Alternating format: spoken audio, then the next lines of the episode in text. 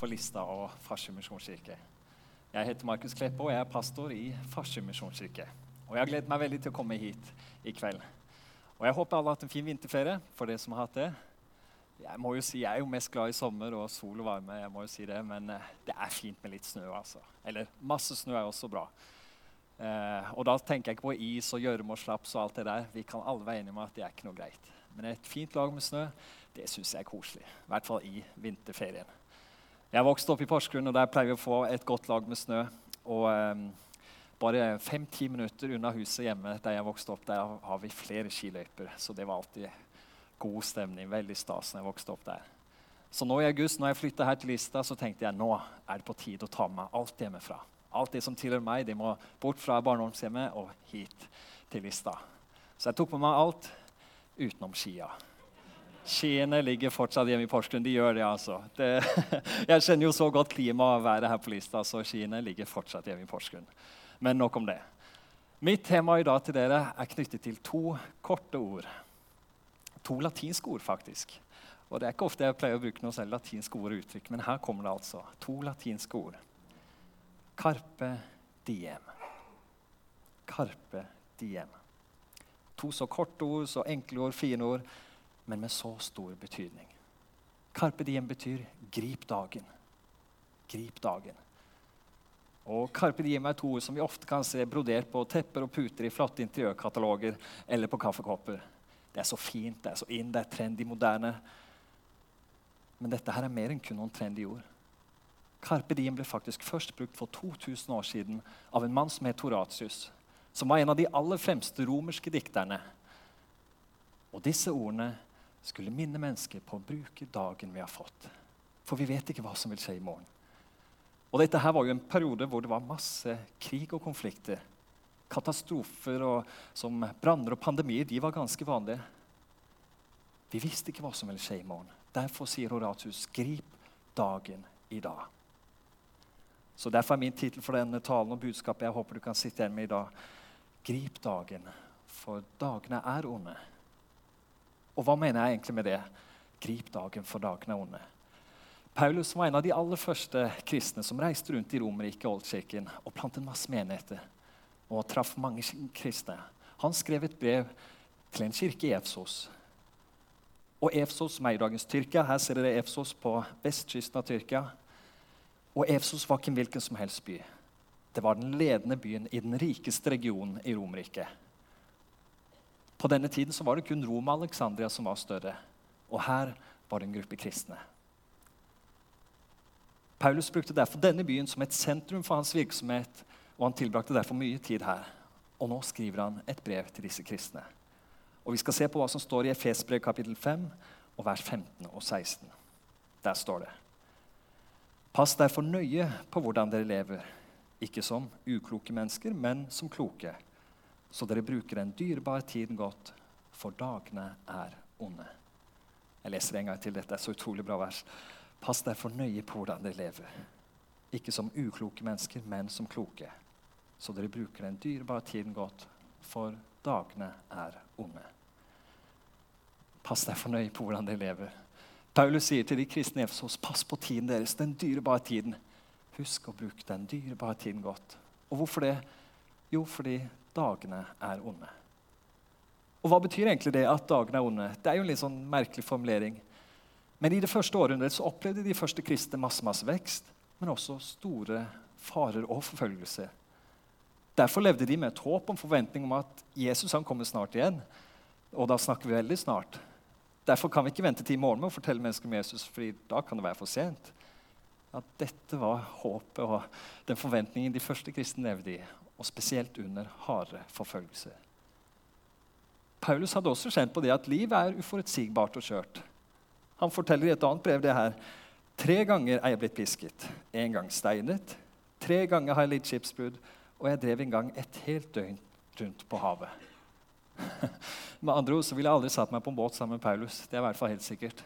Jeg vil ikke ta sjansen.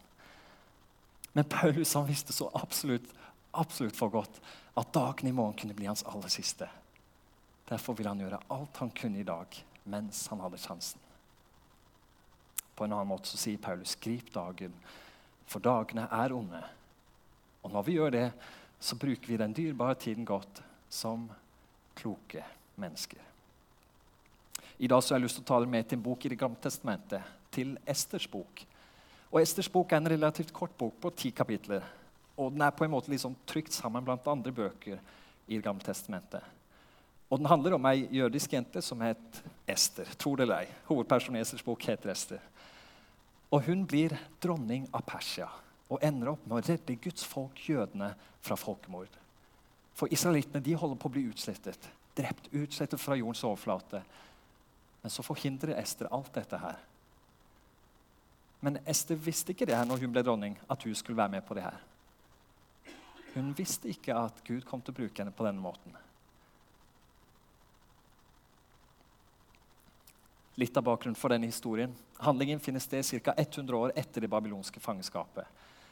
For eh, Israelsfolket ble ført i eksil ca. år 587 før vår eh, tidsregning, før Kristus. Og Etterpå det her så er det jo mange som reiser tilbake igjen til Israel, men noen ble værende. Så Esters bok handler om et jødisk samfunn som bor i Susa, som er hovedstaden i det gamle persiske riket. Og Hovedpersonen Ester hun ble dronning under kong Serkses. Og I det tredje regjeringsåret til kong Serkses så står det at han holdt en fest som varte i 180 dager for alle hans stormenn og tjenestefolk. Bibelen forteller at det var en fest i 180 dager hvor kongen viste frem sin rikdom og prakt og sin store herlighet og glans. Og Etter disse 180 dagene med fest, vet du hva kongen gjorde? Han holdt enda en fest til. En fest som varte syv dager til.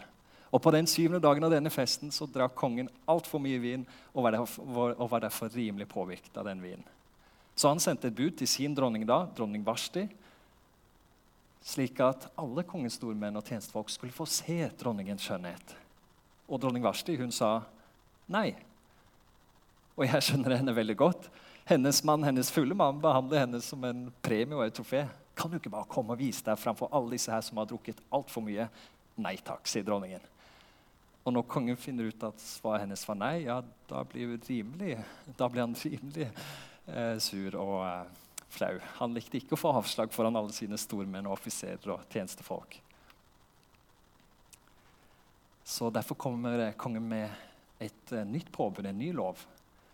En lov som sa at dronning Vashti aldri kunne vise seg selv for kongen igjen. Hun kunne til og med aldri veie det samme rommet som han. Men når kongen ble edru, så angret han på den avgjørelsen. Men når et slikt påbud eller en slik kongelig lov ble skrevet, så var det ikke så lett å tilbakekalle den. Så for å oppmuntre kongen så sier kongens stormenn slapp av, du, vi skal finne en ny dronning til deg. En yngre dronning.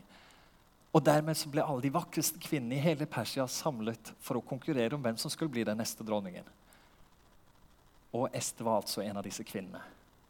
Dette her høres nesten ut som både én og to reality-program på TV-ene våre. Men bare vent, det blir enda bedre. For jeg har lyst til å lese et vers for dere som viser hva disse kvinnene måtte gå gjennom. Men hvis du hadde lest Esters bok helt alene, så ville du helt sikkert ikke stoppe opp med det her. Du ville nok bare lest det og fortsatt. For i kapittel 2, vers 12, så står det i tur og orden skulle de unge kvinnene gå inn til kong Serkses etter at de gjennom tolv måneder hadde gjennomgått det som var foreskrevet. Slik ble kuren gjennomført. Seks måneder med myrolje og seks måneder med balsam og andre kremer for kvinner. Det er tolv måneder på spa. Et helt år. Tenk det. Noen få dager, kanskje en uke, det må vel være greit. Men et helt år, det er jo galskap. Bare se det for deg, bare lev deg litt inn i det. Hver eneste dag smør seg inn med myrolje. Hver eneste dag et halvt år. Og så fortsette et halvt år med balsam og andre kremer i et halvt år til. Samme folk, samme lukter, dag inn, dag ut. Alt dette måtte være på plass for at Ester skulle få møte kongen. Ester måtte forberede seg et helt år for én date med kongen. Er ikke det litt galskap? Jo, det er det. Men jeg beundrer Esters kapasitet for forberedelser. For Ester hun måtte forberede seg for sitt øyeblikk. Sånn at når sjansen var der, når muligheten kom, så kunne hun gripe den. Kong David han måtte også forberede seg for sitt øyeblikk.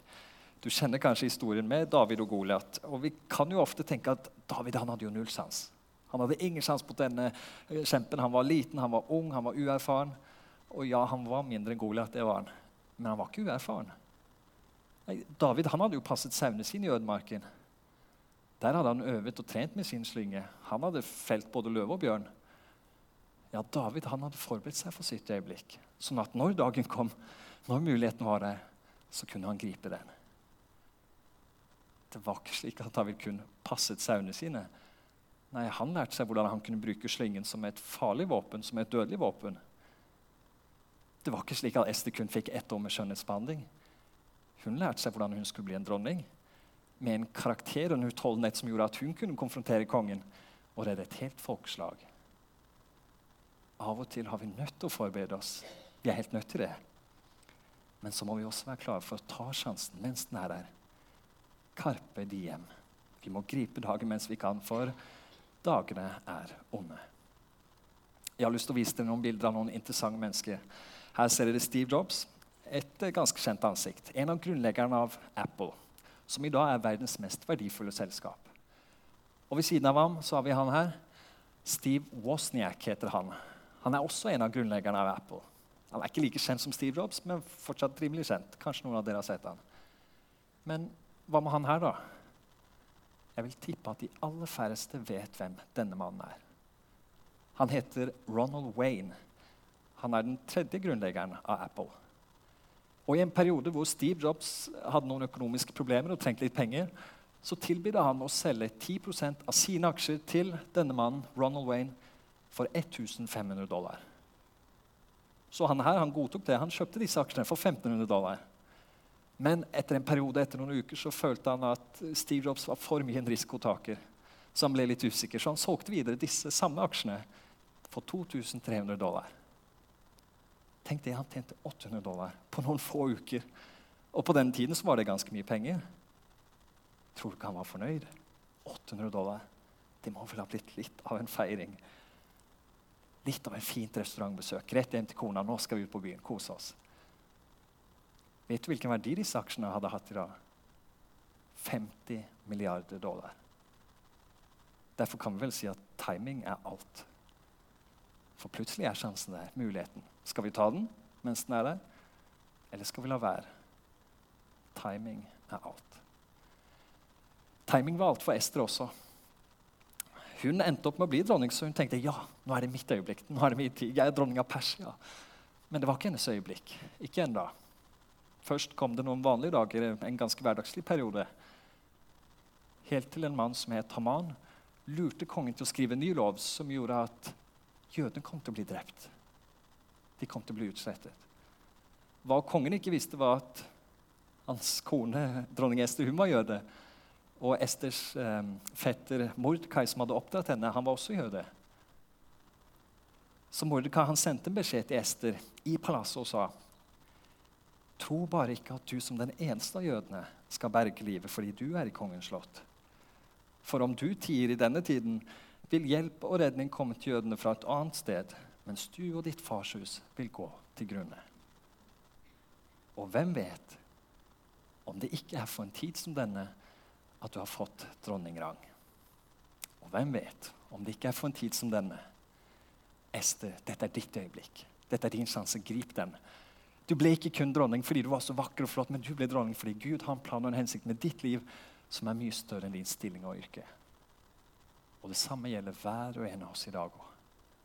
Gud har en plan og hensikt med ditt liv som er mye større enn ditt yrke alene. Men la du merke til hva Mordekai sa først der? Han sa til Ester hvis du tier i denne tiden, så vil hjelp og redning komme til jødene fra et annet sted. Så Ester, hvis du ikke gjør noe, så vil eh, Gud gjøre det på en annen måte. Guds vilje kommer til å skje. Så du kan være en del av det, eller du kan bare stå på sidelinjen og være et vitne men Guds vilje kommer til å skje. Og hva han sier, er at Gud trenger oss ikke, men han velger å bruke oss likevel. Gud trenger oss ikke, men han velger å bruke oss likevel. Og Det er rart å tenke på, for jeg tror vi fort kan falle i den grøfta at Gud trenger jo oss, alt det vi gjør, alt det vi klarer, alt det vi kan få til. Men han gjør jo ikke det. Gud klarer seg fint, han. Og Det er derfor jeg ofte prøver å heller, Istedenfor å be Gud hva kan jeg gjøre for deg, da, så prøver jeg heller å be Gud hva gjør du i dag, og hvordan kan jeg bli en del av det? Ja, Noen tror at liv som kristen er kjedelig, men når du ber den bønnen der, så kan du virkelig få oppleve hvor spennende livet med Gud kan være. Plutselig så blir du ledet til mennesker og til plasser du aldri hadde tenkt, og du blir en del av noe som er større enn deg selv. Men for at det skal skje, så må vi gripe dagen, gripe muligheten mens den er der. For hvem vet? Kanskje var det for en tid som denne at du ble plassert i det jobbskiftet der med din kollega. Kanskje var det for en tid som denne at du fikk en ny nabo. Kanskje var det for en tid som denne at du ble kjent med noen nye mennesker som kunne trengt litt ekstra hjelp og omsorg akkurat nå. Men kanskje ikke da.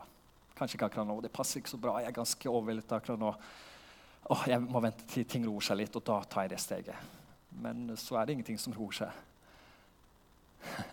er ikke det så enkelt, så vanlig, så fort gjort å bare finne en unnskyldning, selv om vi kanskje vet hva Gud vil at vi skal gjøre, eller i hvilken retning han leder oss? Åh, jeg er altfor ung. Jeg er altfor gammel. Jeg er altfor uerfaren. Jeg er overveldet akkurat nå. Jeg kan ikke Bibelen så godt, jeg er ikke så flink til å prate. Jeg er så travel. Åh, så utrolig travel akkurat nå. Ester kunne også finne mange unnskyldninger. Ester kunne sagt jeg er altfor ung. Jeg er jødisk. Du så hva som skjedde med den forrige. Det endte ikke så bra. Jeg tror jeg bare skal være helt stille. Ja, Ester hun kunne finne en unnskyldning, men hun valgte å finne en måte. Hun valgte å finne en løsning, en sjanse, som hun tok. Esters bok skiller seg ut fra alle de andre bøkene i Bibelen. For i Esters bok på ti kapitler så nevnes ikke Gud en eneste gang. Tenk det. Gud blir aldri nevnt. Og Noen er jo kritiske til Esters bok akkurat pga. det her. Vi kan vel ikke lese fra en bok som ikke nevner Gud. Men fordi Gud ikke blir nevnt, så betyr ikke det at Gud ikke er til stede der. Men fordi det ikke står om Gud, om eh, en eh, brennende busk eller en Guds inngripen eller en overnaturlig hjelp, så kan heller ikke Ester eller Mordkai si det var Gud som ba meg gjøre det. Det var Gud som sa at jeg skulle gjøre sånn og sånn, eller si det og det. Nei, de kan ikke det. Men de bare fortsatte å gjøre alle de riktige tingene for å redde Guds folk. Jeg tror at vi av og til venter på et tegn fra himmelen før vi tar det steget i tro. Jeg må jo få et klart og tydelig tegn, så går jeg for det. Og ja, det er ikke noe galt med det å få et tegn eller en følelse eller en påminnelse. Men mens du venter på det, så tror jeg vi kan gjøre en hel del. For timing er alt. Vi leste tidligere at Paulus han oppfordret menigheten i Efsos og oss i dag om å bruke den dyrebare tiden godt. Og hvordan gjør vi egentlig det? Hvordan bruker vi den dyrebare tiden godt i dag, i 2023? Ja, Svaret får vi faktisk i det samme brevet, kun 15 vers tidligere, i kapittelet før. Paulus han sier i Efes brev kapittel 4, vers 32. Vær gode mot hverandre. Vis medfølelse og tilgi hverandre, slik Gud har tilgitt dere i Kristus. Ja, dette er slik vi bruker den dyrebare tiden godt, folkens. Mens vi enda har tid, vær gode mot hverandre. Mens vi enda har sjansen, vis medfølelse. Og mens vi fortsatt har mulighet, la oss tilgi hverandre. Dette er skrevet til en gruppe kristne hvor det var både jødekristne og hedningkristne. Og Det betyr at det skulle ikke mye til før det ble diskusjoner. Plutselig var det fullt kaos og masse uenigheter. Hvordan skal vi leve? Hvem skal vi høre på? Hvem har de riktige tradisjonene? Hvem skal vi inkludere? Hvem skal vi ikke inkludere? Og Paulus han sier bare vær god mot hverandre. Vis medfølelse for hverandre og tilgi hverandre, ikke minst. Gud har tilgitt oss gjennom Jesus. Derfor er vi nødt til å tilgi hverandre. Ja, hvordan ser dette ut i dag? For eksempel så tror jeg vi kan se det klart og tydelig når mennesker opplever kriser og katastrofer. Og så er det noen som velger å ta et initiativ, ta et steg, for å være med og hjelpe og bidra. Jeg må si at Det har vært så utrolig inspirerende de siste årene å se så mange nordmenn som åpner hjemmene sine og er med og gjør noe ekstra for å ta imot og hjelpe de fra Ukraina som har kommet hit til Norge. Det er å gripe dagen, gripe muligheten og med denne forferdelige katastrofen i Tyrkia og Syria Jeg tror vi kan være med å hjelpe. Jeg tror vi kan være med å bidra. Vi kan være med å be. Og de økonomiske endringene har gjort det svært krevende for mange i Norge også. Ja, kanskje er det noen i din nærhet som du kunne hjulpet. Det er å gripe dagen. Gripe muligheten til å vise godhet og medfølelse. Det er faktisk gjennomført noen studier over hvilke setninger vi mennesker elsker å høre. Hvilke ord er det som virkelig får det til å boble og bruse på innsiden? Det er ganske interessant, egentlig. Så de tre tingene vi elsker å høre, de tre tingene er nummer én jeg er glad i deg. Jeg er glad i deg. Jeg elsker deg. Den er helt på topp. Og godt er det. Hvem liker vel ikke å høre de ordene der? Jeg er glad i deg. Det er den første. Og nummer to jeg tilgir deg. Jeg tilgir deg. Så utrolig viktig. Det er ord som gjør så mye for den som hører det, men også ikke minst for den som sier det. Det gjør noe med oss. Og det er kanskje noe av det mest åndelige vi gjør når vi velger å tilgi noen som har gjort noe mot oss. Og nummer tre, Den siste tingen som vi elsker å høre, er maten er klar. Tenk det. Maten er klar. Den er også høyt oppe på min liste der. Ja, den er fin. Jeg blir bare så god og med en gang jeg hører de ordene. Maten er klar. Og nå kjenner jeg en god lukt fra kjøkkenet. Så det er de tre tingene. De er helt på topp der. Jeg er glad i deg, jeg tilgir deg, maten er klar. Det er ikke noe mer komplisert enn det. Og Gud sier faktisk akkurat det samme til hver og en av oss. Jeg elsker deg, jeg tilgir deg, og kom til dekket bord.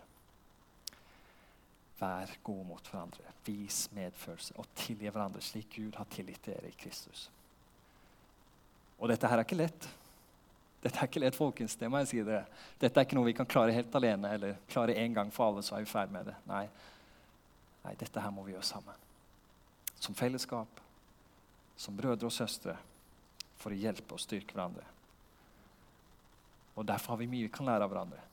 Og Spesielt tror jeg vi kan lære av de som har gått foran oss. På et eldrehjem fikk en rekke godt voksne kvinner muligheten til å dele sine tanker til den neste generasjonen. De fikk spørsmålet hva er den ene tingen du har lyst til å si videre. Etter et langt liv, hva ville du gjort annerledes? Så la oss begynne med Lola på 86. Hun sier til den neste generasjonen ro ned. Slapp av. Ikke rush gjennom alt. Og kanskje er det noen av dere som trengte å høre det, i dag. Ro ned. Slapp av. Og så har vi Lois på 93 her. Hun sier forsøk å elske hverandre og ikke hat. Elsk hverandre. La oss elske hverandre. Være gode mot hverandre og vise medfølelse for hverandre. Er ikke akkurat det vi trenger i dag.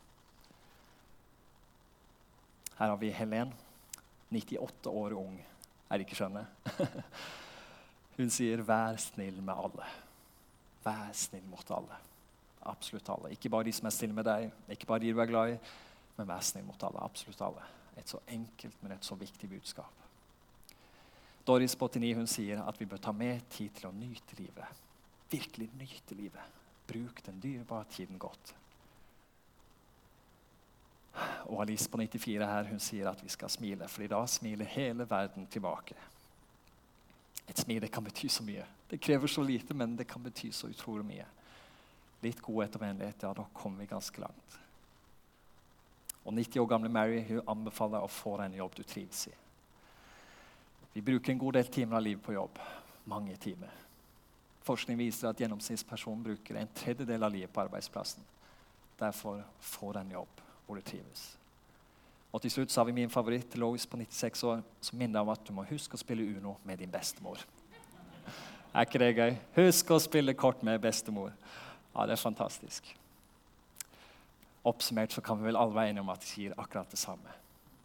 Grip dagen. Bruk den dyrebare tiden godt. For plutselig så er tiden ute. Kjære Lista av Farsmisjonskirke. Hvem vet? Kanskje kaller Gud oss til noe eller noen i en tid som denne. Ja, la oss gripe dagen, muligheten mens den er der. For Jesus sa selv i Johannes' åpenbaring i Bibelens to siste vers Ja, jeg kommer snart. Jeg vil avslutte med en bønn. Kjære himmelske Far, vi takker deg for denne flotte dagen, Herre. Og vi takker deg for hver eneste person som har kommet inn hit i dag. Og du ser alle de som sitter her. Du ser alle historiene, alt det vi står midt oppi nå. Og nå ber jeg bare om at du skal gi hver enkelt det de trenger. For resten av denne kvelden og den uka som kommer nå. Og så takker vi deg for at du går med oss hver eneste dag. Når vi er på jobb, når vi er hjemme, når vi er rundt omkring. Og nå ber jeg om at du skal hjelpe oss til å gripe de mulighetene du gir oss, til å vise verden og mennesket hvem du er.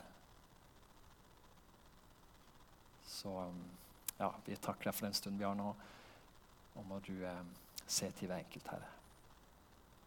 Vi takker deg for den du er, for din kjærlighet og godhet mot oss.